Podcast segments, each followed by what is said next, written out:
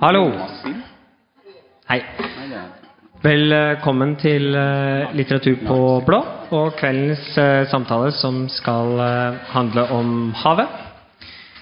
Om hvordan vi forholder oss til havet, og om hva som former vårt eierskap til havet. I panelet sitter marinbiolog og sakprosaforfatter Henning Rød og filosof Hanna Winther. Eh, Samtalen ledes av William Wessel Nore fra redaksjonen. Den vil for øvrig vare i eh, en time ca., og det vil bli mulighet til å stille spørsmål i etterkant.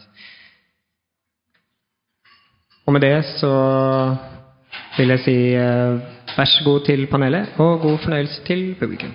Takk. Eh, tusen takk, Ola. Ja, Som dere kanskje har lest, så skal eh, denne samtalen handle om eh, hvem eier havet, eller hvem skal eie havet. Og å eie havet er jo eh, noe som har mange forskjellige former. Den konvensjonelle tankegangen om hvem som eier et hav, er eh, 200 nautiske mil fra kysten og utover. Men heldigvis har jeg med meg mennesker som kanskje kan gi litt andre synspunkter enn den rent liksom, geografiske og territoriale tankegangen. Altså hvordan vi relaterer, hvordan vi forholder, og hvordan vi ser på, eller ikke ser på, former eierskapet og ansvaret vi har overfor havet. Og det er jo, eh, som jeg ser på flere i publikum, et, et valgår i år, eh, hvor, hvor havet har eh, vært kanskje overraskende lite tematisert, men vært en, en ganske sterk kilde i bakgrunnen. Eh, Men til å starte så tenkte jeg egentlig at vi kan begynne på det veldig abstrakte nivået. Eh, Så jeg stiller dere to spørsmål. Hvor ofte, og kanskje hvordan, tenker dere på havet når dere gjør det? Ja, Henning? Ja, skal se. Kommer jeg så nærme at dere hører meg? Eh, Ja, jeg må jo si jeg tenker ganske ofte på havet. Det gjør jeg. Og jeg tror jeg hadde vært veldig vanskelig for å bo langt unna havet, så jeg ikke kunne se havet ofte. Ehm, så det er nok en, jeg har nok en sterk dragning mot havet. Det har jeg. Og jeg skriver også barnebøker om eh, liv i havet, og det er jo for å få eh, nye generasjoner til også å sette pris på havet. Ja. ja, fordi du er jo vokst opp ved havet. Mens du, Hanna, som har eh, altså din beskjeftigelse med havet Du er jo vokst opp på Hadeland. Ja. Eh, og har det formet kanskje hvordan du tenker over havet når du skriver om havet? At det ikke har vært en tilstedeværelse så langt? Mm. Ja, jeg, tror, jeg tror på en måte Hvis jeg skal snakke om mitt forhold til havet, så eh, kan jeg snakke med deg og starte med en litt eh, pinlig innrømmelse, som er at til inntil for inntil svært, svært få år siden så trodde jeg at eh, det het farevann og ikke farvann.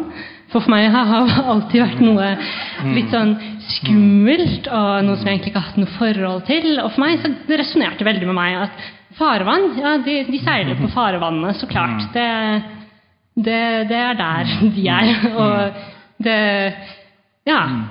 Utforske nye farevann. Så klart, det er skummelt. Det resonnerer for meg. Og utover det så har ikke jeg hatt så veldig mye forhold til havet.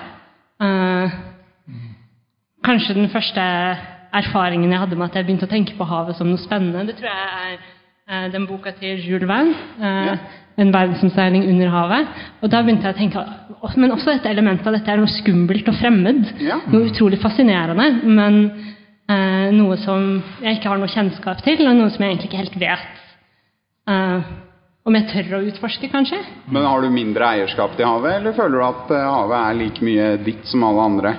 Jeg tror jeg opplever ganske lite eierskap til havet, men uh, eh, ja, jeg, jeg tror kanskje eierskap ikke er helt uh, ordet altså det, det vet ikke om det forklarer mitt forhold til havet. Ja.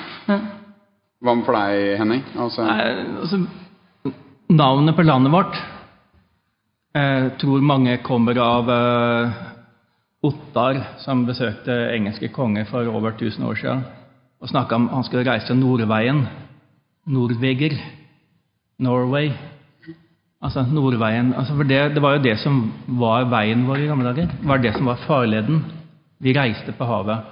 Skulle du besøke noen, så tok du sjøveien. Skulle du eksportere eller importere noe, så kom det via havet.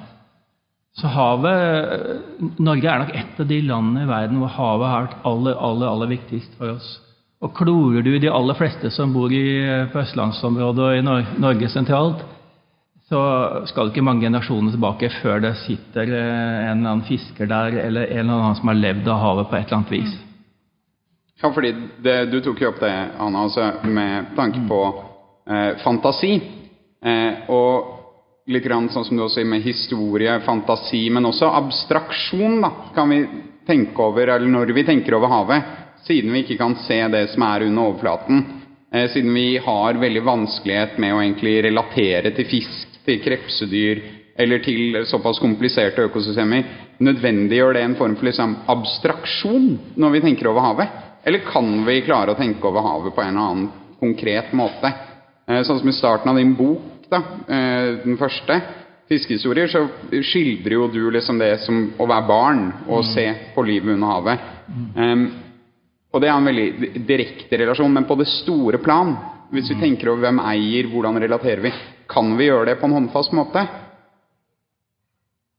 Jeg tror det, du, du, kan på en måte, du kan fortelle ulike historier om havet. Du kan konseptualisere og relatere det fra ulike vinkler. Du kan f.eks. snakke om, uh, du kan snakke om uh, vitenskapelige oppdagelser av havbunnen. Du kan kartlegge den. Uh, du, kan, du kan utforske den. Du kan ta bilder. Du kan filme. du kan snakke om livet som lever i den. Um, og det er på en måte ulike konseptualiseringer av den. Kanskje du, du kan også gå territorielt til verks og dele havet inn i ulike områder og si her går den grensen. Og hver av de tilnærmingene vil jo på en måte være en tilnærming som ikke favner hele havet, hva havet er. Men sammen så kan det gi hvis man, hvis man tenker at hver av disse fortellingene gir oss ett bilde, så kan de ulike bildene være med å gi oss et sånt landskap da, over hva havet egentlig er. Så når du er en marinbiolog, så forteller du jo eh, det, det, gir et, det gir oss ett narrativ om hva havet er og kan være. Ja. Ja, altså det, det er sånn å lokke en marinbiolog ut på det her. Jeg husker vi hadde en eh, altså, Når man studerer marginbiologi, så tar man til slutt en hovedfagseksamen. og Da er det en eh, muntlig eksamen som ofte varer halvannen og to timer. Eh, Da husker jeg vi hadde én professor som var så glad i å stille et såkalt lett spørsmål. Og det var det, det spørsmålet alle studentene grua seg til. Det var såkalt lette spørsmålet hans, fordi Hvis ikke du klarte det, så ble du helt perpleks og kom ikke videre. Så husker jeg én student ble spurt hvordan vil du definere havet? Veldig lett spørsmål. ikke sant? Og da bare så han kaldt på professoren og sa han, havet er stort og vått. Neste spørsmål, takk. Ja. Og jeg forstår det. Men eh, altså, må jeg si det, havet dekker altså 71 av overflaten på kloden vår. Og der vi lever på en liten skorpe, altså virkelig en skorpe, som er ørtynn med liv på, så er det liv ned til 11 km dybde i det dypeste delen av verdenshavnet. Og det er en gjennomsnittlig dybde på 3700 meter, altså 3,7 km. Så når marinbiologer prøver å tøffe seg litt overfor andre biologer, og andre, så sier de 99% av livsrom på planeten er hav. Ja. Hvis vi hadde brukt samme måte å finne eh, jorda som det vi finner andre planeter, så hadde vi jo klassifisert jorda som en vannplanet. Eh, og det er en veldig viktig ting å, å huske. Og, og det er jo sånn Dere har jo vært veldig inne på det, hvordan definerer vi havet, eller altså eh, ideen om narrativer. Men eh, for å gå tilbake til det litt mer kontemporære, da, eh, kan vi egentlig snakke om liksom havet som noe annet enn én helhet i dag? Altså Sånn som, eh, Du kan jo forklare litt hva du skriver om med oppdrettsnæringen. fordi oppdrettsnæringen er et godt eksempel på at ting som er veldig lokale, egentlig er veldig globale. Um, så kanskje du vil ta litt det for deg? Starte med å fortelle, å fortelle litt om Ja, eh, Hva du holder på med, og Ja, hvordan man gjør det. eh, ja, jeg er stipendiat i filosofi, og jeg skriver en avhandling som handler om, om eh, bruk av genredigering i, eh, i oppdrettsnæringen. Det er sikkert, eh, vi kan komme sikkert litt tilbake til det, hva egentlig genredigering er, og hva vi kan bruke det til. Men det er, et, det, er et teknologisk verktøy som gjør at man kan endre på egenskaper ved laksen for å gjøre den tilpasse den mer det vi ønsker at den skal være. Rett og slett. Eh, og så er min inngang til det som, som filosof er eh, å si at eh, ja, ok, her åpner det her er det ganske mange nye muligheter som åpnes. Eh, men hva er det egentlig det er greit at vi gjør? Hvilke ting er moralsk akseptabelt å gjøre og ikke? Og hva er det som skal til for at det å bruke nye teknologier i oppdrettsnæringen skal være moralsk akseptabelt? Hvilke kriterier må vi oppfylle, og er det egentlig mulig å innfri de kriteriene? Men også hvis man gjør det, eh, CRISPR-teknologi, da, Ja. som utenfor å bli for teknisk, da blir jo også den laksen eh, på mange måter patentert, blir den Ja. ikke det? Ja. Eh, og det er jo ganske interessant hvis da f.eks. en patentert laks rømmer og eh, parer seg med en, eh, en villaks eller en ikke-patentert annen oppdrettslaks. Eh, hvordan skal vi liksom globalt klare å forholde oss til dette? Altså masse små Gustav Witzøe-laks ved siden av masse naturlig laks, eller eh, liksom blir det veldig eh, Beklager metaforet, men grumsete vann da, av dette? Ja. Um, ja, nå ble CRISPR nevnt, så kanskje starte med å forklare hva, hva, hva det er. Uh, så- ja, Uh, så ja, de fleste, de fleste er jo kjent med at det finnes ulike måter å drive med genmodifisering på.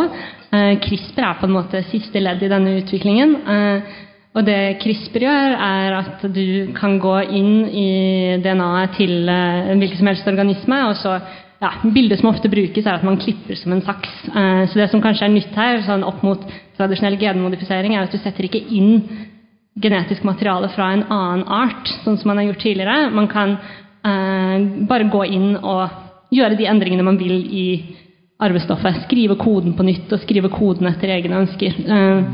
Eh, så så det, det er en teknologi som, som av mange vil oppfatte som kanskje mer naturlig, siden det er noe som kunne den endringen som da skjer, det er jo en endring som kunne skjedd i naturen uansett. Um, ja. Og, og det du sier om at, uh, at en oppdrettslaks kan, kan da rømme, denne patenterte oppdrettslaksen En av de tingene som kanskje er interessant med CRISPR, og som kanskje er den tingen som gjør CRISPR til en veldig interessant teknologi fra oppdrettsnæringas perspektiv, er at du kan bruke den til å gjøre oppdrettslaksen steril. Slik at hvis den rømmer, eh, så får det nettopp ikke eh, negative konsekvenser for villaksbestanden. Eh, som, som jo er et bruksområde som veldig mange er interessert i. Da. Det er jo en av de største kritikkene mot oppdrettsnæringen. Eh, den trusselen den medfører for villaksbestanden. Mm. nå har jeg kanskje rotet meg bort. Nei da, det er Ja. veldig interessant. altså. Ja, men, Hva tenker du om dette da, Henning? Om Nei, det, det er utrolig komplisert. fordi det vi allerede har gjort, er jo at altså, den vanlige norske atlantiske laksen den har pleid av og til før tida å svømme helt bort til Grønland, men så svømte den hjem igjen. Men det vi har gjort, er at vi har tatt befrukta egg, og så har vi putta det i poser og tatt på fly og flydd det til omtrent alle kontinenter utenom Antarktis. Da. Jeg tror ikke Afrika heller, men så det er masse norsk oppdrettslaks som drives oppdrett på i Tasmania, og British Columbia, og USA og Latin-Amerika. Eh, sikkert også i Kina, Japan og Russland på Stillehavssida. Så den har allerede spredd seg eh, mye lenger enn den skulle. Eh, hyggelige menn som har i forretningskostymer som har tatt på seg en kilo med øyrogn på flyet. Og tollerne har sikkert lurt fælt på hva dette var for noe. Men eh, nå er vi jo på skrittet videre, da. Eh, og så er jo spørsmålet vil publikum ha dette her. Ja. Altså, Hvor går grensene for hva publikum eh, syns er akseptabelt å, å kjøpe av laks? Og Hittil så har vært basert på et vilt norsk laks, solgt med bilder av norske rene fjorder.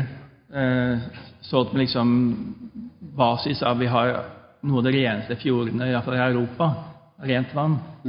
Eh, så, og vi har egentlig bare et ganske standard produkt, eh, som jeg egentlig syns også oppdretterne har helt feila på. så jeg, jeg tror oppdretterne eh, tar feil litt. Jeg tror Det folk vil ha, det er folk vil ha laks med mer omega-3 i og mindre omega-6.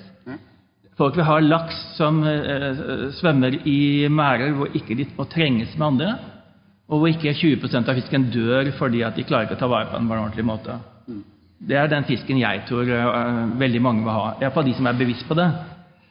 Eh, og hvis vi prøver å introdusere genmodifisert laks, så tror jeg de eh, kommer til å oppleve at da mister laksen den, det positive omdømmet den har på, på bakgrunn av norsk ren natur. ja. Jeg, jeg syns det du sier nå er, er ganske interessant. Eh, fordi, nettopp fordi at Norge er, i, i hvert fall i europeisk sammenheng, så har det vært veldig stor motstand mot genmodifisering i Norge. Eh, når Den første gangen man prøvde å gjøre det på, på oppdrettslaksen, det var på 70-tallet en gang, eh, jeg tror han het Harald Skjervheim eller noe sånt, eh, som da eh, skulle utvikle en laks som kunne vokse mye fortere. Og det var kjempestor interesse for dette, fordi man hadde satt inn et veksthormon som gjorde at den laksen ble mye større enn en normal størrelse, og Forskningsrådet var inne med mange millioner. Eh, og så var det stor presselansering av denne her laksen, og så spurte de ja, hvor er det dette veksthormonet kommer fra.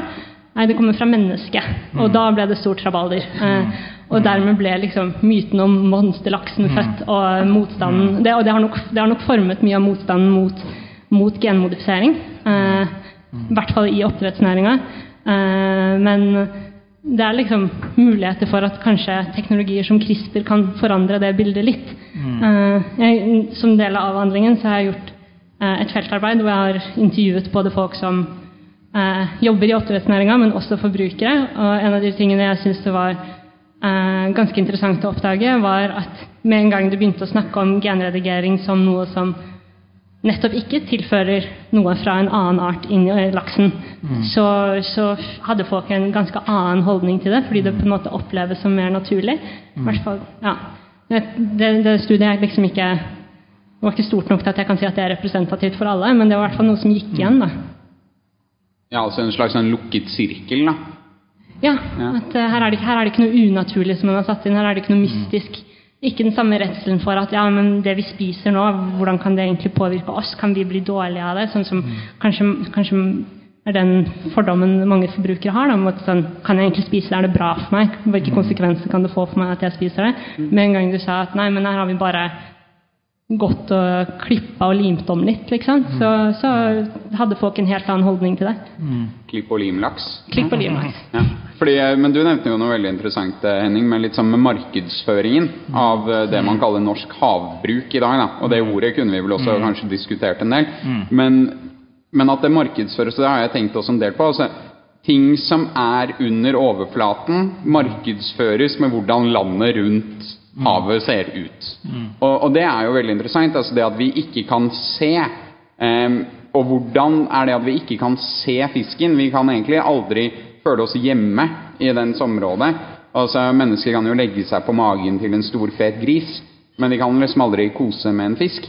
Eh, påvirker eh, hvordan vi forvalter og hva slags ansvar eh, vi har da, overfor det som er på mange måter vår felles eiendom. Og Det kan kanskje du også prate litt grann om, har altså Den ideen om fisken som noe som er fremmed. Eh, og det som er ganske ny, opp, ny tankegang, eller en gammel tankegang, eller Eh, ja, hvor skal man, hvor skal man starte? Eh, det, det, det var også en ting som gikk igjen i det feltarbeidet jeg gjorde, i samtlige intervjuer, at nettopp det at vi ikke kan ha en relasjon til laksen, at den bor i et annet element, og at den ikke har noen ansiktsuttrykk vi kan kjenne igjen, og ikke lager noe lyd, eh, så at sånne ting er med på å skape en slags eh, fremmedgjøring. Eh, det er, det er en filosof som, fransk filosof som heter Levinas, som snakker om at det for å tilskrive noe en moralsk status, så må vi anerkjenne at den har et ansikt. Eh, men fisken har liksom ikke noe ansikt som vi kan anerkjenne eller kjenne oss igjen i, og det er med på å skape en avstand i hvordan vi relaterer oss til den. Um, og det som jeg syns er litt spennende, er at det handler ikke nødvendigvis om at vi ikke har så mye kunnskap om fisken.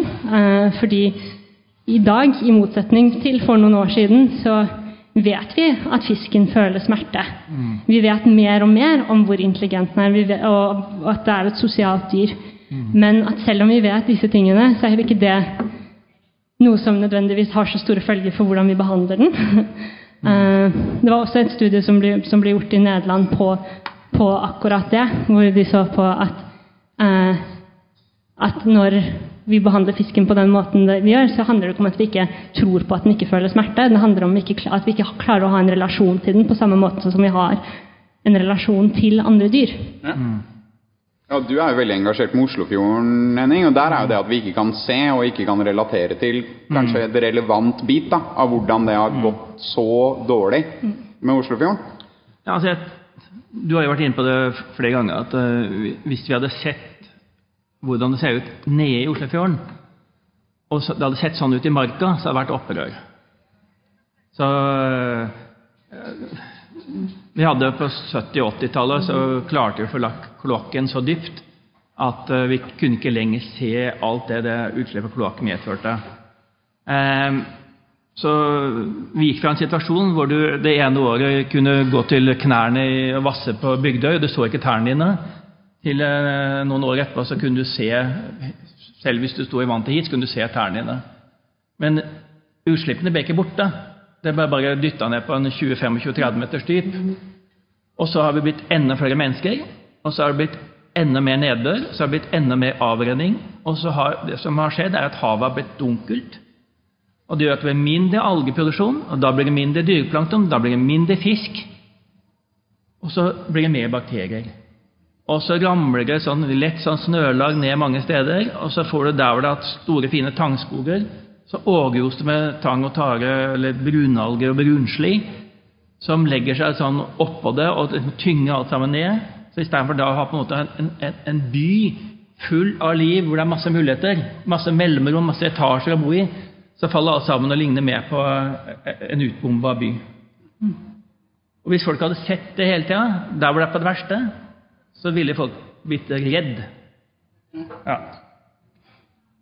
Tenker du noe om dette med, med synlighet, og som Henning sier, altså frykt, kanskje? Altså, du fortalte jo meg om da du så på et oppdrettsanlegg for første gang. Ja. Eh, du kan jo kanskje fortelle litt om det? Ja, eh, ja, jeg kom jo også inn i dette her som, som en filosof som egentlig ikke har noe forhold til, til, eh, til fisk heller. Det var litt sånn tilfeldig at min avhandling skulle handle om fisk. Eh, og jeg har ikke tenkt så mye på det før. Jeg tror ikke jeg har tenkt så mye på hvordan fisken har det, og hva slags dyr det er. Eh, men så har jeg jo lært mer og mer etter hvert som arbeidet har gått videre. Og, og i sommer så hadde jeg da for første gang anledning til å, eh, til å besøke et oppdrettsanlegg for første gang. Eh, og det syns jeg var en veldig sånn rar opplevelse. Og så har jeg lært om laks siden jeg begynte, at, at det, det er ikke en stimfisk. Eh, Det er ikke en fisk som det er, en, det er en veldig individualistisk fisk som egentlig liker å holde på med sine egne greier. Og så ser du liksom at den svømmer sånn tett i tett i oppdrettsmæra. Eh, og så var det ikke sånn at der hvor jeg var, så var det ikke noe sånn at jeg så noen sånn sykdommer eller noe sånt. Eh, det, så, det så liksom fint ut sånn sett, men allikevel med den kunnskapen om at, at det, er, dette, er dette kjekt for den? er det Ja. Det, det, det, har, det har kanskje gjort noe med min holdning til, til næringa og til forvaltningen. Da. Ja. Ja. Nei, Jeg kan jo stille spørsmålstegn med om de som ser ser etter dyrevelferd, også bryr seg om fisk. Mm. På samme måte som de bryr seg om andre dyr. Eh, Det syns jeg absolutt man kan stille spørsmålstegn ved. Og mitt svar er nei, de gjør nok ikke det. Nei. Og det henger nok litt igjen med at når vi høster fisk ellers, så, så høster vi også store mengder som eh, Så vi på en måte tillemper samme filosofi vi gjør på de, som vi gjør på oppdrettslaksen. Mm. Um, og um, ja, jeg burde kanskje liksom tatt vårt eget lovverk litt mer på alvor av og til. Og så kan vi også si at en, en laks som går i en merd, den har det egentlig fint på en måte, for den får all maten og alt den trenger. Um, men um, det blir nok litt sær av å svømme i den samme sirkelen hele tida. Så det er, litt, eh, det er et tamt dyr. Og det er blitt veldig forskjellig fra det ville laksen vi hadde. Nå tror jeg vi er oppe i 13-14 generasjoner, kanskje mer, som den er blitt forandra. Så det er ikke det samme som den Det fjerna seg veldig mye fra den ville. Og jeg reiste mye rundt på oppdrettsanlegg for eh, 30 år siden, min første jobb. og opplevde at de fleste oppdretterne var egentlig ganske flinke og dyktige folk, og som brydde seg om fisken sin. Men det begynner seg jo med fisken på samme måte som en som driver med andre husdyr. Altså, han skulle, ha- De skal ha det best mulig, og så skal de slaktes. Og, og sånn er det. Det er industri. Ja, fordi du er jo inne på det der. altså Denne ideen om at oppdrettsnæringen er jo ikke en, det er jo ikke en fiskerinæring i det hele tatt. Altså Hvis du i det hele tatt antyder til en fisker, en sjarkfisker, at han har, eller hun har noe til felles med en oppdretter, så går det utrolig dårlig. Fordi en oppdretter er en, en, for dem en bonde. Eh, men samtidig så er jo da, og det er du jo litt inne på da når du snakker om Oslofjorden, dette med kompleksitet. Og dette med at vi tar en tankegang fra land, som er en ganske klar næringspyramide, inn i, inn i tredimensjonalt rom hvor pyramiden ikke eksisterer. Eh, og, og det har jo litt grann å gjøre med eierskapet vårt. Du skriver jo mye om dette med næringspyramide mot næringsnettverk. Eh, alle vet jo ikke så mye om det, så kanskje du vil Ja, altså, det som er kanskje fordelen i havet, er at nærings, næringspyramidene er kortere, mye kortere. På jorda så begynner vi med gress, og så har vi noe som spiser gresset, og så slakter vi dem. Og da går veldig mye av næringen tapt i hvert eneste ledd i pyramiden. Mens i havet så er de mer næringsleddene mellom er mye mer effektive. Så kan si på den måten er oppdrett veldig bra. Altså Du får mye mer kilo laks ut av kilo fôr der enn du gjør hvor som helst annet når det gjelder kjøttproduksjon. Så det er en fordel. På den annen side, det fôret som vi bruker til lakseoppdrett, kommer jo fra soyaproduksjonen i Sør-Amerika, i Amazonas og andre steder. ja. Og vi har gjort den til vegetarianer. Laksen er ikke en vegetarianer. Eh, og den har ikke alltid godt av så mye vegetabilsk heller. Så ikke, det er ikke godt for den for, for generelle helsetilstanden heller. Vi presser den der for å få billigst mulig produkt og tjene mest mulig penger. Ja, fordi vi gjør jo laksen til vår eiendom. Em, og altså, ja det er jo, Hva tenker du, liksom? At man tvinger laksen til å bli vegetarianer? Eh, altså Og sånn bioetisk, da, og dyreetisk. Eh, Anna? Eh, Jeg syns, det er et, et litt sånn vanskelig spørsmål, som, som, kanskje stiller spørsmål, som kanskje igjen stiller spørsmål om hva som egentlig er, er forskjellen på, på, på villaks og oppdrettslaks, både sånn statusmessig og artsmessig. Kanskje du kan si noe om det, for det er jeg egentlig litt nysgjerrig på. Eh, men, men, eh, men det som den problemstillingen som går igjen i mitt arbeid, er på en måte okay, hvor, hvor store endringer kan vi egentlig gjøre? Når, når er dette her når er ikke dette her en laks lenger? Eh, Når er det bare svømmende protein, som ofte oppdrettslaks forstås som? Eh, hvordan kan vi på en måte ha Kan vi ha denne næringa og eh, behandle disse dyrene på en måte som er verdig og respektfull, og som lar de leve gode liv? Eh, ja. Men det må jeg har veldig lyst til å høre hva du Ja, tenker. det, er ikke noe, fall det, det som er helt klart, det er ikke et enten-eller-spørsmål. Det er heller bare snakk om uh, måte å behandle dyr på, og hva som er akseptabelt fra de myndigheter som gjør kontroll, og hva som er uh, akseptabelt for de folka som kjøper, kjøper den fisken. Um, så for meg så er det Dette tenkte jeg for veldig mange år siden når jeg hadde vært på et oppdrettsanlegg hvor oppdretteren hadde anlegg som var 50 større enn det han hadde lov til. Og da når jeg sa det til han, da var jeg liksom ansatt av staten for å prøve å hjelpe sånne oppdrettere, så trua han med å tilkalle politiet. Det sa jeg så kan du gjerne få gjøre. Det er, det er veldig fint hvis du tilkaller politiet. Eh, fordi du har brutt loven. Så da var kom det masse advokater og andre ting inn i bildet. Eh, men det endte jo med at eh, toppmyndighetene eh, henla den saken. Så skulle ikke, han skulle ikke tas for å bryte lovverket. Så skal vi si det sånn, eh, har vært eh, eh, loven som har begrensa hva man kan gjøre innenfor oppdrett. Det er samme som kardemommeloven. Du skal være snill og grei, ellers kan du gjøre som du vil. Bare at når du ikke er snill og grei, når du er en cowboy som tar deg til rette, enten i forhold til hvordan du behandler fisken, eller hvor stor mengde fisk du har, eller måten du opptrer på, så fikk du lov å fortsette. Det er ikke en eneste oppdretter i Norge som noen gang har mista konsesjonen. Så du har, du har en fiskeridepartement som har liksom latt ting skure. Fordi målet har hele tida vært én ting høyere produksjon, mer laks. Og som jeg sier, det er ikke et spørsmål enten-eller. Vi kan også ha lakseoppdrett i Norge som er etisk forsvarlig, som er ø, forsvarlig ut fra hvor vi henter fôret, og hvordan ø, det ser ut på bunnen under anlegget. Men det er ikke det som har vært målet. Målet er høyest mulig produksjon, raskest mulig. Og ikke sant, når straks de kom og ble så store at de eksporterte for bortimot 70 milliarder kroner i løpet av et år, så er det veldig mange av de politiske myndighetene som da lukker øynene og ørene for all mulig kritikk. Og sånn er det dessverre det gjelder oppdrettsnæringa òg. Straks det kommer konstruktiv kritikk av dem, så er du en fiende. Så det er jo de som kritiserer den, og som har kanskje en, en, en noe rett, og så har de noen ting som helt tydelig er feil. Men uansett hva du kommer med, selv om alt det du sier er riktig, så er du en fiende. Og de, veldig mange de vil ikke høre på deg. Og fordi det er veldig lenge har de fått lov å holde på akkurat sånn som de ville. Så jeg syns Witzøe han skulle ta med seg oppdrettsanlegget sitt og flytte til Monaco. Det syns jeg helt han må få lov til å gjøre. Det er, vi lever i et fritt samfunn, og det må han virkelig få lov til å gjøre etter min smak. Ja, fordi der er du jo inne på en altså, For å ta det litt mer kontemporært altså Både Høyre og Arbeiderpartiet har jo sagt at eh, jeg tror Arbeiderpartiet vil bare fordoble, mens Høyre vil femdoble verdiskapningen Ja. i, i, i det vi kaller havbruk. da. Ehm, og jeg vet ikke om Jeg vet ikke hva forskjellen på oppdrett og havbruk er. Veit du hva det er? Eller vet, Ja, altså Havbruk høres mye finere ut. Det, det er et veldig sånn ord som er liksom kommet seg inn for at alt skal høres så fint ut. Oppdrettsforeningen nå heter ikke Oppdrettsforeningen, det heter eh, Norsk Sjømat. ja. Det høres ut som et sånt eh, statlig foretak som hjelper folk å få mer oppdrett og mer bra ting. Så Problemet er hele tiden at eh, de, de defin, har definisjonsmakt. Det er de som definerer hva ting skal hete. og de, Hver gang det blir en litt for dårlig PR for dem, så forandrer de bare navnet på enten organisasjon eller et eller annet annet. Og så, så går de fri.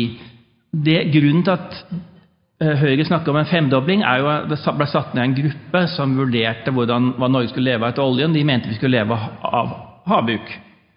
Og hva skulle det være? Jo, det skulle være oppdrett av en rekke forskjellige organismer, bl.a. tang og tare. Og hvis eh, vi under rette betingelsene, så skulle det kunne føre til en femdobling av produksjonen. Da, da snakka de ikke om laks, men om alt mulig. Og så skrev de også, eh, men de de skrev det ikke tydelig nok ut, at det var avhengig av laksen at de klarte å rydde opp i de problemene de allerede hadde. Ja. Og fordi de ikke den gruppa da, politikerne eh, fra en del partier da ikke klarte å liksom lese neste linje, så lagde de en ny rapport fem år etter de samme folkene, med litt flere folk også, hvor de skrev det stavet og rett ut. Dersom dette skal være mulig, dersom de klarer å rydde opp i de problemene de har. Så, og det, det er vel derfor Arbeiderpartiet bare sier todobling, fordi at da tenker jo de litt mer sånn ja, men da må vi jo gjøre noen fornuftige ting også. Og så har du vært inne på det at Rødt vil jo eh, Nasjonalisere. ras- nasjonalisere. Grønt vil ha det på land. Og SV vil eh, inn med mer tiltak for å få fjerna de verste utslagene. Ja. Og hvis du legger på land, hele oppdrettsnæringen på land, så kommer kysten vår ikke til å se ut i det hele tatt. Da kommer det til å være, kommer til å være svære betongklumper for hvert eneste nes. Og det er helt umulig. Da kommer vi til å få den styggeste kysten i hele verden. Det er helt umulig. Og det er, dessuten er, koster det Pumpe vann opp til overflata koster ingenting. Hver meter du pumper nå, koster enorme summer. Og fisken må ha rent vann hele tida, og skal du basere deg på noe annet, så er ikke det at det er industri, det er kunst. Og det er kanskje bare en håndfull mennesker i verden som behersker det. Da, da så vi skal ha de, sånne anlegg, så vil du ha en Maradonaer og sånn, med den samme betaling med Maradona som sitter og, og fikler med det for å få det til. Ja. Hva tenker du, du Anna, om altså er det en form for liksom, teknologioptimisme for å redde vårt, vår felles eiendom, da, som er havet? Og den kan vi vel Jeg vet ikke om det er altså, i hvert fall enighet i panelet her, da, at den felles eiendommen blir behandlet litt dårlig i dag. Ja. Eh, kan teknologien redde oss? Eller redde ja. eiendommen vår, da? Ja, eh, nei, jeg, for å bare flytte det tilbake til, gå litt tilbake og gå, snakke om det dere dere sa at nå kalles det nå snakker vi om havbruk, vi snakker ikke om oppdrettsnæringa. Det var en omdømmeekspert som var intervjuet på Intrafish forrige uke, som sa det. At nå har aksepten til næringa gått opp så mye etter at vi begynte å kalle det havbruk og ikke oppdrettsnæring. Og det, det poenget illustrerer, er jo egentlig at det har en betydning hva vi kaller ting. Kaller vi det havbruk, eller kaller vi det oppdrettsnæring? Snakker vi om hvor mange tonn fisk som har dødd, eller snakker vi om hvor mange individer? Refererer vi det til som biomasse, eller snakker vi om dyr? Det er sånne ting som betyr noe. Eh, og et av de begrepene som betyr noe, er bærekraftsbegrepet. Oppdrettsnæringa selger seg inn nettopp ved at de er mer bærekraftige enn andre næringer. Eh, og og I bærekraftforståelsen da, så legger man f.eks. at man krever mindre landareale, at, at en fisk trenger mindre fôr enn det dyr på land trenger. Sånne type ting. Men på et eller annet tidspunkt så må vi også tenke ok, som, som, hvilke dimensjoner skal inn i dette bærekraftsbegrepet, og hva er minimumsstandardene. Eh, Argentina har nylig gått inn for et forbud av eh, lakseoppdrett og har lagt ned hele næringa. Ikke sant? Eh, fordi de har tenkt at vi klarer ikke å oppfylle disse minstekravene som vi ser for oss at må oppfylles. Eh, og da kommer jeg til det med teknologi. fordi det var også en sånn type ting som, som gikk igjen i alle de intervjuene vi gjorde. At eh, de fleste er positive til bruk av teknologier som CRISPR i oppdrettsnæringa hvis det kan gjøre at fisken har det bedre. Men det så mange trakk fram, var at vi kan ikke bruke denne teknologien for å fikse et problem som vi kunne ha fikset på andre måter. Og vi kan ikke bruke denne teknologien som en slags symptombehandling eh, når det er veldig mange grunnleggende problemer som vi må ta tak i først. Dette her kan ikke bli en sånn legitimering av vekst innenfor næringa. Mm. det var det veldig, veldig mange påpekte i den sammenhengen. da. Altså, Oppdrettere er, altså, er veldig smarte. Altså. De er virkelig gode på å definere hva som er rett og riktig.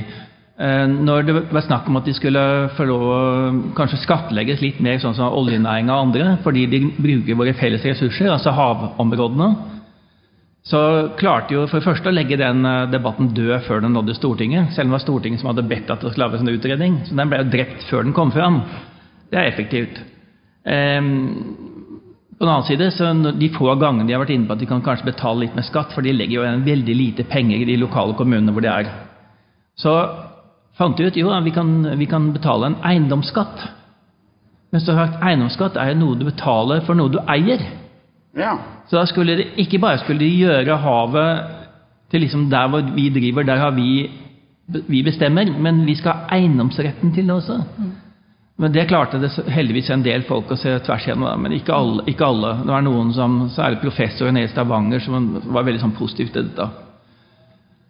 Ja, fordi det, det er jo interessant altså, med tanke på det å gjøre noe til, til eiendom. Og så eh, når man snakker da eh, Nå har jo dette handlet mye om oppdrettsnæringen, og det er jo et veldig pertinent eksempel på at eh, noe blir til noens eiendom egentlig eh, uten at resten veit om det.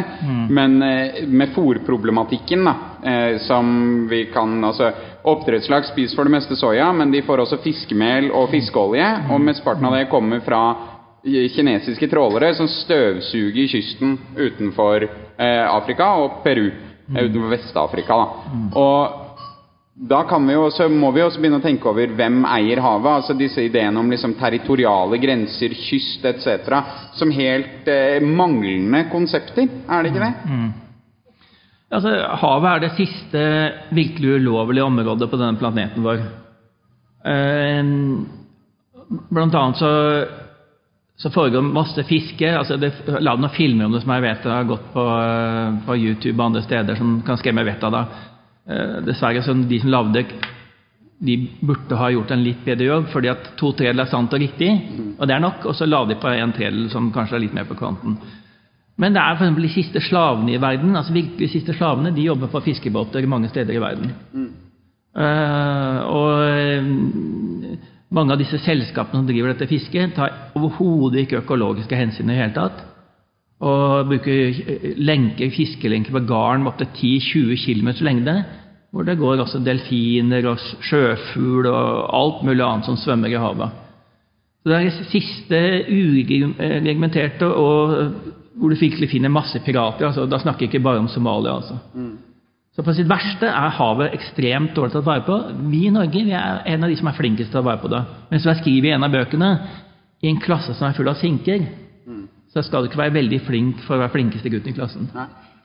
Nei, du, du tar jo opp en interessant ting. Sånn. Eh, vi tenker jo, altså havet, Nå snakker vi om havet som en kilde til, til næring, men havet som en transportallé, altså, eller aveny. Og, og der er jo eh, Du tok jo opp somaliske somalske pirater. altså Det er et veldig interessant eksempel. Fordi eh, somalske pirater er jo på mange måter forårsaket av overfiske fra eh, vestlige store trålere eh, til å lage fiskemel. da. Eh, og, og det poengterer jo litt grann den ideen om at ingen kan egentlig eie havet. Eller altså at havet er noe som binder oss alle sammen, da, på godt og vondt. Um, og jeg vet ikke om du har noe Du, du har jobbet litt med territoriale rettigheter, Anna? Så, altså. så vidt. Ja. men eh, men eh, ja. eh, Havrettskonvensjonen den er basert på ja, Vi kan jo kan trekke det tilbake til 1600-tallet. ikke sant? At da, begynner man å, da begynner man å drive handel mellom Europa og, og India. Frakte varer fra, fra, fra India til Europa. Og så begynte man å krangle om hvem er det som egentlig skal eie denne sjøveien. Eh, Portugal sa den vil vi ha, og Nederland sa nei. Det er ikke vi enig i. Vi vil også ha den. Eh, og så begynte man å tenke, og Da begynner det plutselig å melde seg et behov for ok, hvordan skal vi egentlig, hvordan skal vi egentlig regulere de områdene her, som er eh, felles for alle, men allikevel så er det tydeligvis noen som eier dem. Eh, og En som ofte refereres til, er det er en filosof som heter Hugo Grosius. Eh, som, som skrev eh, ja, 1609, Mare Librum, eh, som, som er det dokumentet som havrettsdom... Du kan finne igjen veldig mye av det han skriver i havrettskonvensjonen i dag. Og han skriver at nettopp at, at havet må tilhøre alle. Havet kan ikke eies. Eh, og det, Grunnen til at det ikke kan heies, handler om havets natur. At det flyter, og at det ikke er noe som er på ett sted. og Derfor kan det ikke eies. Men uh, samtidig så er problemet det at okay, hvem, hvis, hvis, ingen, hvis ingen eier det, hvordan er det vi skal gå fram for å ta vare på det? Uh, og Det er kanskje den store utfordringen som, som vi står overfor. Da. Hvordan, hvilke strategier hvordan, skal, hvordan er det egentlig vi skal ta vare på det som ligger utenfor de var det 200 nautiske mil? du? Hva, hva skjer utenfor der? Eh, det, det som skjer hos oss, påvirker det som skjer andre steder. Det ser vi jo flere og flere bevis på. Eh, hvilket organ er det som skal ta ansvar for det, og, hvordan, er det egentlig, hvordan egentlig det systemet skal se ut? Dette er jo veldig interessant sånn historisk, fordi at Napoleon sa at mine kanoner skyter tre naudiske mil. Der bestemmer jeg. Så kom danskekongen, fordi han hadde jo eh, på den tida eiendom på, både på dansk side og på svensk side i Skåne. Og han ville gjerne ha skatt på alle de som kjørte gjennom Øresund. Så han fant ut at minikanoner skjøt jo fra hver side fire nautiske mil. Da kunne de til og med skyte en båt som prøvde seg ut i midten og komme seg unna. Så han innførte fire nautiske mil. Så det starta med kanoner, og det starta på den måten. Og så var en, gikk det sakte veldig lang, lenge inntil islendingene, våre kjære venner islendingene, fant ut nå ville de kaste ut engelskmennene, som i 500 år hadde tatt mesteparten av Islands fisk. Vi kasta dem ut. Og da husker vi kanskje noen av oss eh, små trålere og svære engelske destroyere som prøvde å liksom eh, stoppe de små islandske skipene for å kutte vaierne til trålerne til engelskmennene. Så det var islendingen som sto opp for det. Og du kan si at Fordelen med 200 nautiske mil er at da har du iallfall muligheten for en del land til å lage grenser og si at innenfor her bestemmer vi. Her kan vi forvalte våre egne ressurser på en bra måte, og det er det en del land som gjør. Når japanerne tapte andre verdenskrig, var det første amerikanerne gjorde. De sa at får, får ikke lenger lov å fiske utenfor 12 nautiske mil, som var da den grensa som var blitt da. Og hva gjorde japanerne da? Jo, de begynte å oppdrette på 80 forskjellige arter i løpet av de neste 50 årene. Så veldig mye, Hvis du går i Japan De har ikke én fisk sånn som vi har laks. De har, 50 forskjellige fiskelag. Så har de 20 forskjellige typer alger, og så har de en 10-15 typer krepsdyr og mollusker og sånn som de er opptatt på. Så de har satsa på å passe inn ting der hvor det passer inn. Mens vi er sånn monokultur. Laks. Alt skal være laks. Og de som eier lakseoppdrettsnæringa i dag, hvis du skal kjøpe en ny konsesjon da, så koster det 60 det, Hvis myndighetene legger ut nye, så koster det ofte rundt 64 millioner kroner. Hvem er det som har råd til det? Det samme innenfor fiske. Før så kunne du kjøpe deg en fiskebåt kanskje for halvannen million.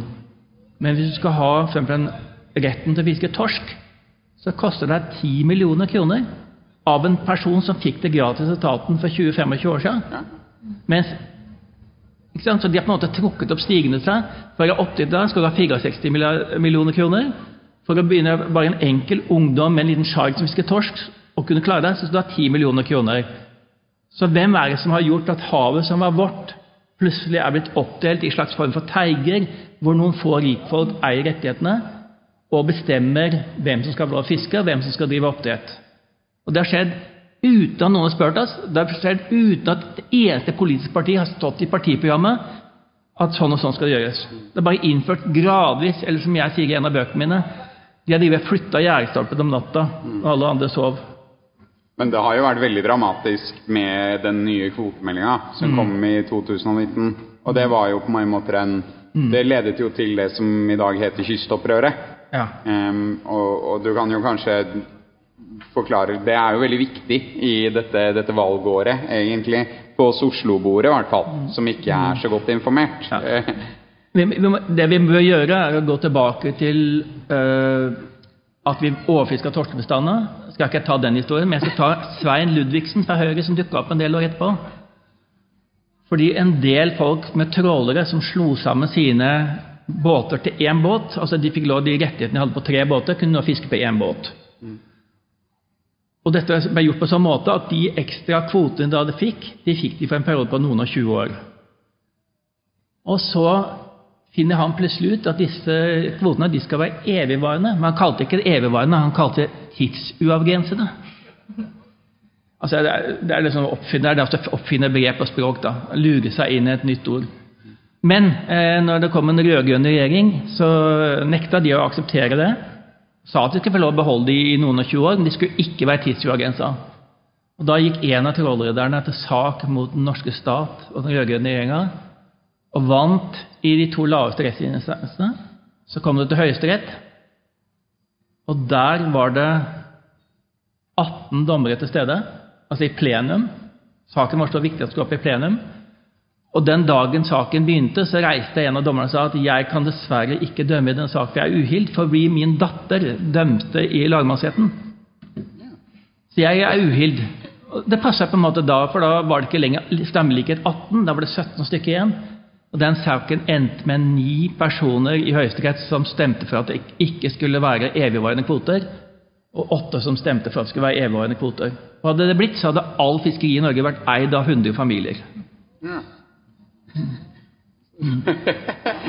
Det må nesten fordøyes litt. Grann. Ja. Eh, Det er så nærme. Men hvis man tenker over det, da som altså Gjør man noe lignende bare for å dra hånda litt inn i dette, altså med genredigering? For det er jo noe som er evigvarende, det òg. Altså om du forandrer merkverdig på en biomasse i din egen fordel, så er jo det også en slags form for liksom evig, eien, altså evig eiendom, da.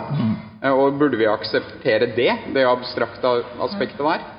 Ja, det, det har i hvert fall evigvarende konsekvenser. Og så er litt spørsmålet litt sånn hva slags konsekvenser? eh, Nei, altså Hvis du, du innfører en, en ny art i verden, så, så finnes jo den arten fremover. Eh, men, men, en, en annen problemstilling som kanskje, som kanskje kan, kan minne eh, litt, er jo at den metoden som, som vi da har snakket om, CRISPR, eh, den, det er jo ikke engang enighet om hvem som skal eie det patentet. Eh, og nå er ikke jeg eh, noen juridisk ekspert, så jeg er ikke helt sikker på hvordan det fungerer eh, med patenter og sånt, men den metoden som jeg nevnte tidligere, som handler om eh, å gjøre oppdrettslaks steril, det er jo en patentert metode. Eh, og når du eier et patent, så, så kan du jo også si noe om Så kan du også i, i veldig stor grad styre eh, bruk, da. Eh, og det tenker jeg er en relevant problemstilling eh, fremover. Fordi hvis, eh, hvis de som eier de Hvem er det som skal eie de patentene, og skal de, hvilke bruksområder skal de få lov til å, å begrense og si nei til? Det kan i hvert fall styre utviklinga veldig. Eh, og hvem er det som skal ta de avgjørelsene? Er vet, det, det, det er sånne ting spørsmål som, som jeg syns er veldig vanskelig å svare på. Og så er det jo ringvirkninger som f.eks. at eh, lakseelvene er jo Det er jo helt objektivt vår felles eiendom. Og om de blir rasert, så er jo det et spørsmål som angår oss alle. Eh, og det er jo også en annen ting som er veldig unkommunisert, det er jo hvor viktig altså villaksen er i økosystemet vårt. Mm. så det er jo det å, å kanskje klare å, å se videre. Altså at vi har et veldig innsnevret syn da, når vi snakker om eiendom og konsesjon og grunnrente etc. Så må vi kanskje altså, Eller funker eiendomskonseptet i det hele tatt lenger når vi snakker om havet i en global tid, og en- spesielt en tid av klimaendringer? Ja. Det er kanskje litt for stort spørsmål, jeg vet ikke. Ja, det, er, det er noen som, noen som respekterer den felles eiendomsretten, og så er det noen som ikke respekterer den. Mm. Så er det noen som synes at felles eiendom er tyveri. Og ikke fordi at det er noe feil med at vi eier noe i fellesskap, men det er fordi at det burde eies av noen enkeltpersoner. Mm. det er, det er ikke mye filosofi, det er eh, sakens harde realiteter, dessverre. Hva tenker du altså om f.eks. med genredigering? da? Kan vi snakke om eiendom i det hele tatt? Eller altså du eier noe? Eh, Jeg ble i hvert fall veldig overrasket da jeg fant ut at den CRISPR-metoden var patentert. Jeg forstår det jo av rent vitenskapelige grunner, men eh, at, det, at det, det hørtes veldig rart ut for meg. At det skulle være noe som, som, som ikke skulle være felleseie. Eh, og så spørs, er spørsmålet litt om hvordan blir dette her i praksis, fordi eh, CRISPR er, blir i hvert fall forklart til meg som å være en så enkel metode at du kan bestille et kit på internett og gjøre det selv. Liksom. Eh, så det er jo en metode som er mye mer tilgjengelig enn eh, mange enn de metodene som har vært tidligere. Eh, og da, da blir spørsmålet om eierskap noe annet igjen. da, For du kan, ikke, du kan ikke kontrollere det på den samme måten. Eh, ja. Altså, jeg, jeg har akkurat skrevet en bok om blekksprut. Uh, og det er et jævlig morsomt dyr. Uh, det aller morsomste er at man trenger ikke CRISPR i det hele tatt. Fordi den redigerer hver eneste dag så re- re- redigerer den arvestoffene sine. Så den, den gjør som vi andre. Den tar en hvit RNA og kopierer arvestoffet DNA. Men etter det, og det er på en måte som å ha en kokebok, og så blar du på en side. og Der skal det stå en oppskrift. da. Men det den gjør, er at den redigerer det da som står i oppskriften. Så jeg tenker at nei, jeg vil ikke lage det da, jeg vil heller lage det. Så den sitter ikke og venter engang på at noen skal liksom gripe inn i den. Den, den har redigert seg sjøl. Og den har eksistert i ja, 500 millioner år. Vi har eksistert i 200 000 år. Hvis vi skal ta- en sammenligning, så er det som om at øh, hvis vi hele de 500 millionene gjør til dette ett år, så dukker vi opp på nyttårsaften tre timer på slutten av festen og har med oss en flaske og skal feire. Mens øh, alle de andre har vært der hele tida. Så vi har transplantert litt blekksprut da, inn i, inn i laksen? Det Eh, Nei, altså, eh, så langt kommer vi aldri til å komme, men eh, jeg, tviler på noen da klarer å ta patent på at eh, en metode som et dyr da har brukt i noen hundre millioner år. Ja. Men man vet jo aldri i dette samfunnet. Kanskje det er noen som da finner på en triksig måte å gjøre det på, og så tar de patent på det også. Ja, og så er, det, ja, Ja. så er det ikke vårt lenger, da. Nei. Og det er vel kanskje det viktige. Men da må vi jo kanskje egentlig gå til liksom hovedspørsmålet før vi går til spørsmål. Det er hvem, hvem eier da havet? Du har jo skrevet mye om dette. Så Ja, ja det, som er, det som er Ser på det fra etikksyn, så er det helt klart at mennesket eier ikke havet som menneskehet. Altså, det er så mange andre beboere der at uh, vi har en egen evne til å altså, Si det på følgende måte. Uh, I sin tid så ble katolske kirken innmari forbanna på alle som påsto at jorda ikke var universets midtpunkt. Fordi vi, der bodde jo vi, og vi var Guds skaperverk, ergo så måtte alt annet sirkle rundt oss. Så sola måtte jo sirkle rundt oss. Og vi er litt på samme måten. Eh, Vi tror at alt sirkler rundt vår navle. At det er vi som har definisjonsmakt på alt. Men vi deler faktisk denne kloden med utrolig mange andre arter. Og jeg tror vi må komme til et punkt hvor vi også innser at de har sine rettigheter. Og hvor har, hvor vi har, får respekt for dem, og faktisk ja, For å si det på en annen måte eh, Det er satt i Bibelen at mennesker er satt til å herske over alt på himmel og på jord. Men vi opptrer som om vi er satt på, på den kloden til å herse med alt på himmel og på jord.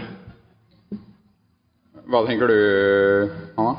Jeg tenker at, eh, at havet er, er en felles arv, men vi må finne langt bedre systemer for å, for å forvalte den. Eh, og eh, nå har vi snakket om, om havbruk. Når vi har snakket om havbruk i dag, så har vi egentlig snakket mest om oppdrett. Eh, men det, vil, det er andre, andre næringer som, som er under utvikling, som kommer til å sette dette spørsmålet om eierskap under press. Gruvedrift på havbunnen f.eks., som da vil skje i internasjonale farvann f.eks. Nå sa jeg farvann igjen. Eh, men eh, ja, eh, men eh, de, gruvedrift som kan skje i områder som da Det, det er ikke noe land som eier det, men, men, men det er en veldig stor interesse for å utvinne dyrebare mineraler fra havbunnen.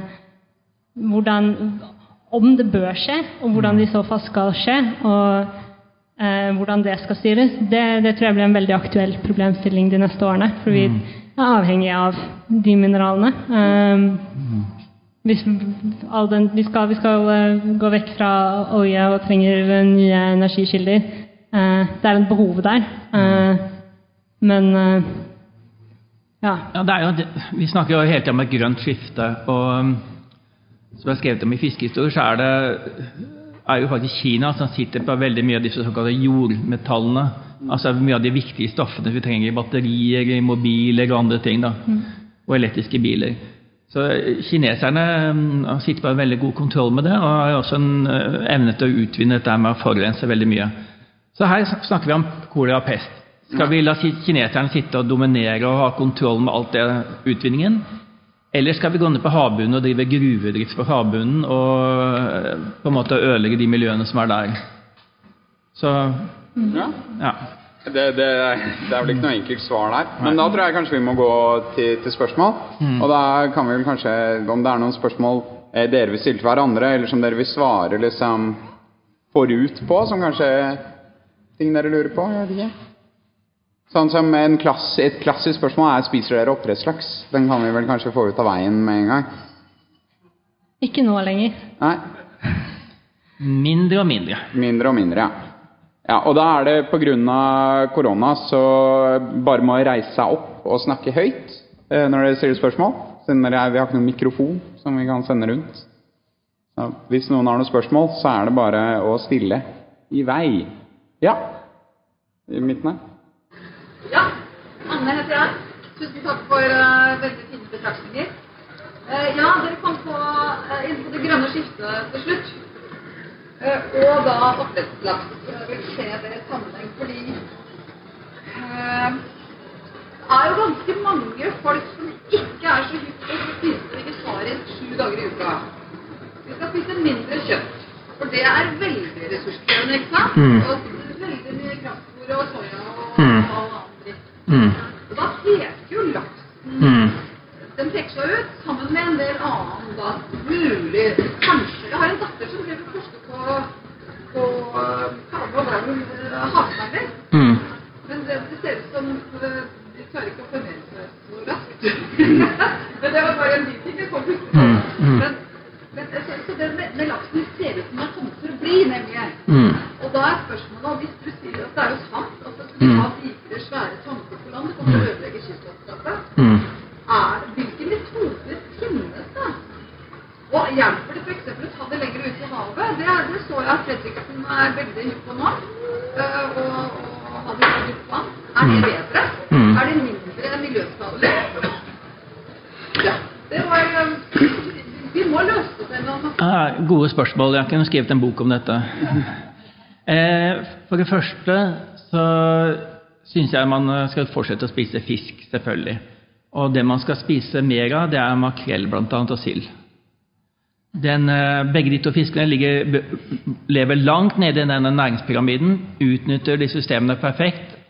Og det er så mye makrell nå, og det er så fantastisk bra fisk med også næringsinnhold, omega-3 og alt mulig. Samme silda.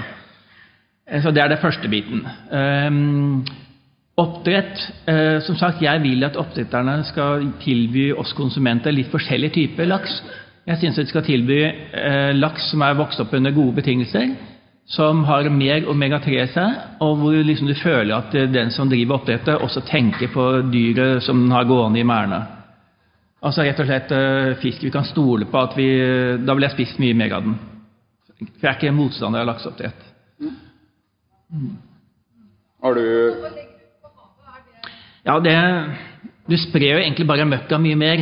Det er som at du har en grisebonde Jeg, har bodd ved siden av en grisebonde. Jeg vet hvordan det lukter i nærheten av en grisebonde. Men hvis han hadde spredd møkka si utover 10 km istedenfor utover eh, 500 meter, så hadde nok eh, bare lukta blitt eh, mindre krevende for den som bodde nærme.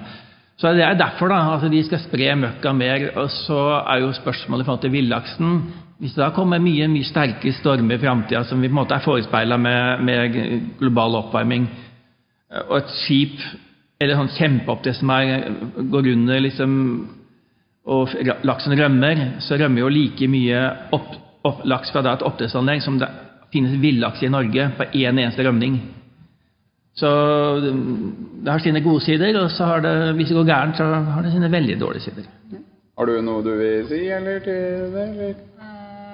Nei, kan jo bare tilføye at eh, ja, at vi har, vi har snakket litt om, om eh, fiskevelferd eh, i denne samtalen, men en ting som, som også er fint å, fint å anerkjenne, er at vi har fått en oppdrettsnæring som har, som har blitt mer og mer bevisst på fiskevelferd, og som gjør mer og mer. Vi har for første gang fått en bransjestandard for velferd.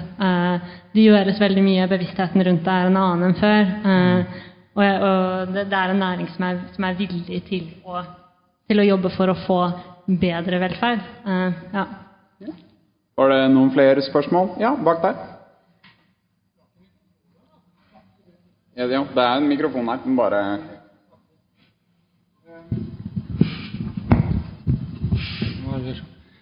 Eh, Ja, jeg har, eh, jeg har et spørsmål til både Henning og Hanna her. Jeg har tilbrakt et par måneder på Sicilia i sommer i en gammel seilbåt. og Der hoppet fisken rundt omkring. Men i denne bukta ved den gamle byen så kom cruiseskipene halve uken. og Da var vannet så grumsete, apropos Oslofjorden, at det var helt stille. Fins det ikke noen instanser som er liksom overnasjonale her, som kan hindre denne nær, dette næringslivet? For det er spørsmål om næringsliv og etikk. Hans Jonas eh, Hanna, han eh, kom med denne påstanden om at naturen måtte ha en egen rettsinstans. Og nå Siste uke så gikk Røkke med 1,6 milliarder kroner inn i oppdrettsnæring med SalMar med Vitsø. Og, og de sier at eh, oppdrettsnæringen nå det er, det er helt uendelig hva vi har av muligheter her. Så hvor er etikken eller de overnasjonale institusjonene? Fins det i EU, eller hvor er det vi har dette? Altså næringsliv og etikk. Kanskje dere kan svare, kommentere Ja.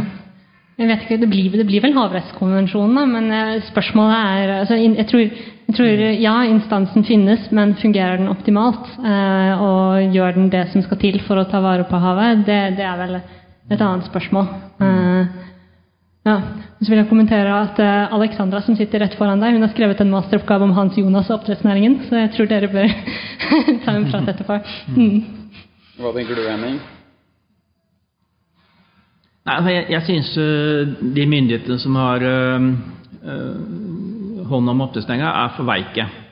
Det er snakk om bare å øke produksjonen hele tida. De, de kunne hatt en veldig bra næring. Eh, nå er det en sånn halvbra, halvdårlig næring, avhengig av hvilket oppdrettsanlegg vi snakker om. Eh, jeg vet f.eks. at eh, et av de største norske oppdrettsfirmaene bruker nå bare rensa fôr, for at de er liksom opptatt av disse eh, Overalt i naturen, også i fôret og i havet, så kommer det stoffer som ikke vi skal ha inn i kroppen vår. Og de har da renser nå fôret sitt i Danmark, slik at de skal få renest mulig fisk. Den fisken selger de ikke i Norge. Nei? Det Ja. Det så du mener forbrukerne har litt å gå på? Ja, jeg synes at Vi har rettigheter, vi også. Ikke bare noen som har gjort noen fine, gode kontrakter med noen i utlandet. Ja. Men eh, det er vel kanskje et godt sted å Vi må vel nesten avslutte uansett, eh, med litt sånn dømming overfor oss. Ja, ok. Et til spørsmål? Ja. Og jo Snakk i mikrofonen, Helge. kommentar som gjelder eh, eh, oppdrettsfisken. Det blir jo snakket som, som om det er liksom én type fisk. Men oppdrettslaksen, den er jo et mystisk sammensurium av 300 og x antall ville laksestammer som er miksa og blanda sammen. Så å snakke om det som én type fisk, det er bare tull. Og det verste med det hele, det er at når da oppdrettsfisk kommer opp i lakseelvene istedenfor den fisken som hører til der, så blir da de ville laksebestandene desimert. Og det har vi jo sett år etter år etter år etter år etter at den næringa begynte. Jeg var så heldig, å jobbe i Fiskeridepartementet da den næringa kom, eller ble planlagt. Og da spurte jeg vedkommende sjef i departementet skal vi ikke prøve å lage noen regler for denne næringa. Og da fikk jeg svaret nei, Vi skal lage en næring. Da kan vi ikke lage noen regler. Da skal vi ikke ha noen regler. Mm. Og sånn har den næringa utvikla seg. Mm. Rett og slett. Ja, det er veldig fort. eh, Noen kommentarer til, til kommentaren, eller? Ja da, altså det, Villaksen gjør det dårligere og dårligere fordi pga. oppdrettsnæringa. Og næringen har blitt flinkere, det er sant. Men også vokst så enormt. Så det fotavtrykket den setter, er eh, stort sett veldig stort fortsatt, fordi summen er blitt så stor. Um, så i forhold til villaksen så kan du jo si at den nye åtteslaksen. altså salmo øh, liksom Den oppdretta laksen, den vil kanskje klare noe som veldig få andre arter har klart, nemlig å drepe sitt opphav. Ja. Og dermed så blir, blir liksom øh, Den blir. Patrisid. Det er, det er på en måte, ja, patrisid. Vi er på en måte på vei i den, den retningen, da. Så, og det Helge sa, bekrefter bare det jeg har tenkt om Fiskeridepartementet ofte. Jeg kan jo også bare kommentere at jeg stiller meg bak at en oppdrettslaks er, er mye mer enn én ting. Eh, hvis CRISPR tas i bruk, så blir den kanskje enda flere ting. Eh, og det avslutt, setter også et sånn avsluttende spørsmål om okay, hva, hva- er en oppdrettslaks? Hva er en laks? Er det noen forskjell på en laks og en oppdrettslaks? Hva er en fisk? Fisk er også et ganske sånn ubiologisk begrep. Eh, ja. Men nå må vi nesten avslutte og kan ikke begynne å snakke om be begrepet. Så Hadde du Vi- avslutter der. si? Ja, jeg jeg skal bare eh, si at eh, jeg blir sittende en god stund etterpå, så hvis folk har lyst til å diskutere ting eller komme med sine synspunkter, så tar jeg gjerne jeg kommer til å sitte ved et bord der nede. Og så har jeg med noen av bøkene jeg har skrevet, så hvis noen har lyst til å bla i de og kjøpe de, så er det hjertelig velkommen til det. De er stort sett veldig billige. Fiskehistorie 100 kroner. Eh, Et hav av muligheter, altså hva vi skal leve av i framtida, koster nå 200 kroner. Og det går an å vippse. Så bare stikk bortom og så eller kikk på bøkene. Det er fullt lov å bla i dem og se om det er noe som dere er interessert i. Yes. Strålende. Tusen takk for oss. Veldig godt publikum. Det går det bra. Ja. Godt leda. Takk.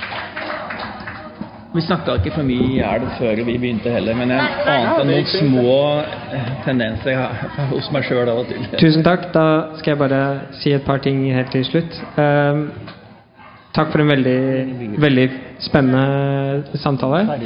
Ehm, boka til, eller To av bøkene til Henning er altså til salgs her ved siden av meg nå.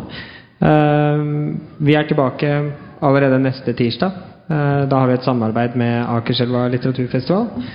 Eh, og da skal det handle om uh, Yen Lianke, den kinesiske forfatteren. Og i panelet sitter da eh, Tom Lotterengton og Joakim Tjøstheim. Så velkommen tilbake da. Takk for nå.